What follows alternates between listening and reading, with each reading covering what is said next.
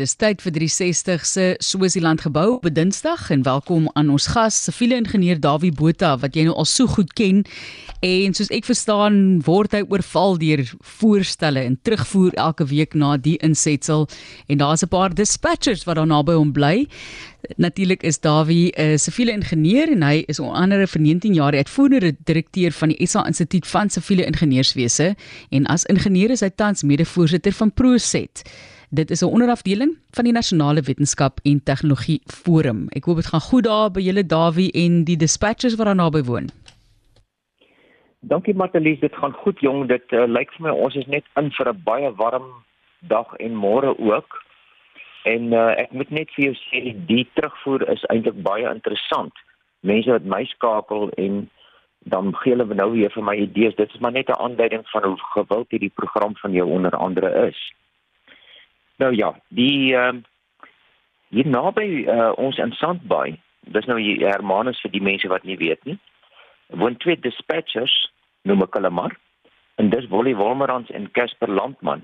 En so rukkie gelede kom Casper toe aangestap met 'n leer en hy vra toe of ek sou belangstel om dit te lees. Dit gaan nou oor oor dispatch en geskiedenis.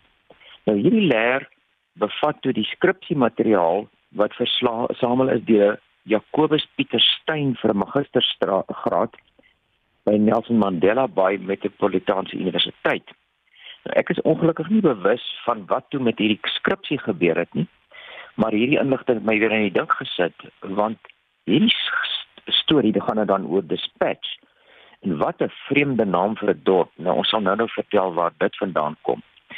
Nou ons het onlangs wêreldstede dag gevier en ek dink 'n bietjie gesels oor stede hoe dit werk. En verlede week het Kobus te presie gestel gesels oor die munisipale ingenieurs en toe het Marke Weyers oor wêreldbeplanning gesel. Hoe gaan ons aan? En dit dalk waarskynlik gepas om nog 'n paar keer te gesels oor hoe dorpe en stede inpas en hoe Suid-Afrika gebou is. En natuurlik dit kan boekdele vul. Maar kom ons gesels 'n bietjie oor daai dorp se naam. En ek het dit sommer vry vertaal van dispatch na versend of wegstuur of afstuur. Nou dispatch is op die op die walle of die oewers van die Swartkopsrivier daar naby Port Elizabeth. En die eerste mense van Europese afkoms het blykbaar al reeds daar rondom 1700 begin woon daar langs die rivier en dit was uiteraard boere en mense wat uh, wat uh, die om, om, om ons wil amper sê die grense getoets het. Nou interessant genoeg het hierdie dorpie dispatch toe eers in 1945 munisipale status gekry. Uh, maar so wat 50 jaar later die dorp weer sy status verloor toe dit deel geword het van die groot broer Nelson Mandela wat natuurlik Port Elizabeth in uiteindelik insluit. Nou Dispatch is dus waarskynlik een van die dorpe met die kortste bestaan in Suid-Afrika as 'n munisipaliteit op op sigself. Maar hierdie Dispatch moet nie te lig uh, bevind word nie. Dis die tuiste van een van drie unieke styl baie hoërskoon skoorstene in die wêreld wat met bakstene gebou is. Nou die skoorstene is hier rondom die jaar 1900 gebou uh en later 'n bietjie hoër gemaak as gevolg van die feit dat hy toe nou nie goed genoeg getrek het nie.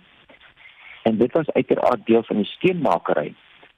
Die klei en toe in daai kleigroewe daar waar hulle nou die klei vir die baksteen uitgegrawe het, is daar ook 'n groot skelet van 'n dinosoor gevind.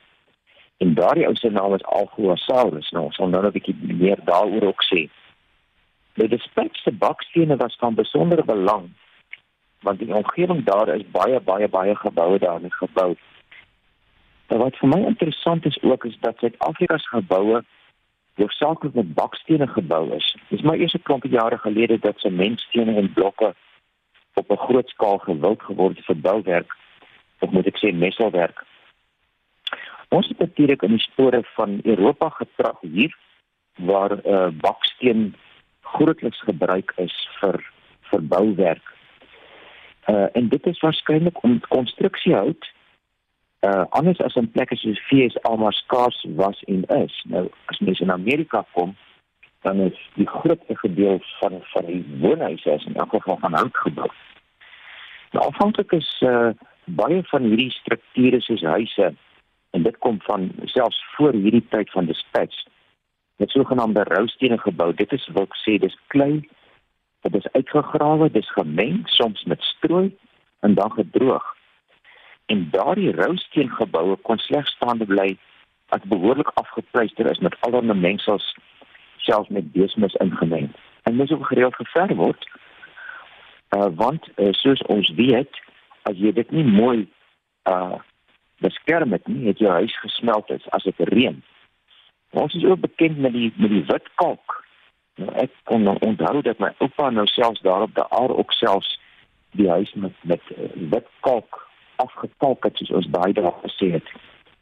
En Transkei het ek ook op 'n stadium vir iemand daar gevra nou hoekom is so baie van hierdie ronddawels waar hulle bly net aan die suidekant geverf. En die antwoord was die reën kom daar is tog uit die suide daar het jy dit heeltemal 'n logiese verduideliking maar dit was nogal vir my iets wat ek baie gewonder het, maar ek was dalk nou net te eenvoudig om te verstaan wat beteken dit. 'n Gebakte kleisteen is egter al hoe meer op groter skaal gebruik. En miskien sal van u onthou of weet dat aan Pretoria baie geboue is wat met die kenmerkende harde bakstene van Olifantsfontein gebou is. Dit is 'n pragtige baksteen en uh, daar in die, in die vroeë jare van van of die laat 1800s vroeg 1900s is daar onder andere uh, skole gebou wat vandag nog staan met hierdie baie baie harde rooi baksteen. En dan was daar ook 'n steenmaker met die naam van Roosma Klaver wat hulle klei uitgegrawe daar suid van Pretoria. Dis uh so plus minus 60 of 70 jare, 70er jare. En vandag is daar 'n woonkompleks gebou rondom die mini meer wat oorspronklik die kleigroep was en dit kan word daar waar die R22 van die lughawe af na Pretoria toe en in in Wisselaar is. Dit loop stadig selfs 'n haberroute in hierdie kompleks. Ek vir uh, Ria my vrou vra nou hoe was die kleur van hierdie baksteen wat jy sê sy mens kan onthou nie. Dit was uh, terloops die boekhouer vir Rosemaan klaar vir nadat sy uh, studies plan gemaak het met stroom. Maar kom ons praat bietjie meer dan nou. Nou die steenfabriek is daar langs die Swartkop se vuur en is in 1880 deur die Joodse immigrant met die naam van Soderberg opgerig. En vir daardie tyd was dit 'n baie baie moderne fabriek. Uh hy het sy masjinerie uit uit Brittanje ingevoer uh, volgens hierdie skripsie. Die klei is gemeng met iets soos 'n vleismeel as as jy nou nog 'n vleismeel sal onthou en dan in houtkussies vasgepers. En onder op die bodem van daai kus is hierdie naam Dispatch Patent. Uh verskyn. Dit was so op 'n plaatjie gesit en dit het dan op die stene afgedruk. En dan is die stene ondergronds in oonde gebak. En daai einste skoorsteen moes die warm lug dan deur die oonde laat trek.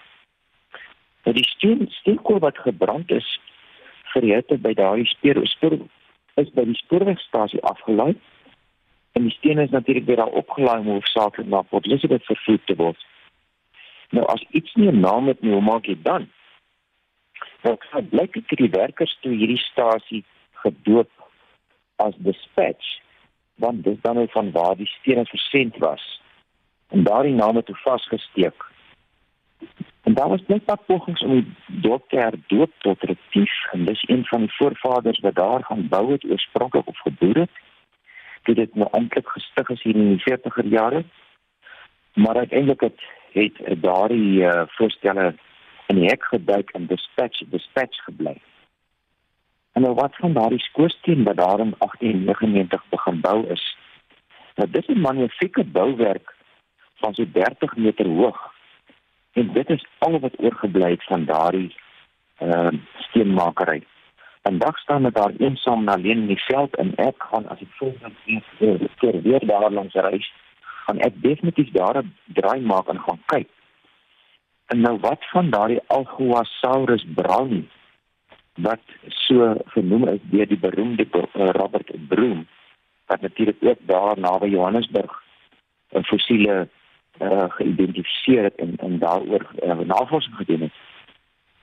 Die interessante storie is dat blykbaar het die steenmakers van daardie tyd toe hulle nou hierdie uh dinosourusse se skelet was sien uh wel gelukkig 'n deel daarvan geloof. Maar die ander ander interessante ding is dat hulle nie eens belang gestel het in ou bene nie. So daar word vermoed dat stukkies van daardie dinosourus oral in Port Elizabeth in die bakstene ingebak is. 'n Interessante storie van hierdie land en mens kan nou aangaan en aangaan daaroor. Maar nou weet ek ook, dispatch se rooi bakstene met sy stempel daarin uitend dispatch is definitief iets waar mens nog aan Port Elizabeth baie spore van kan sien.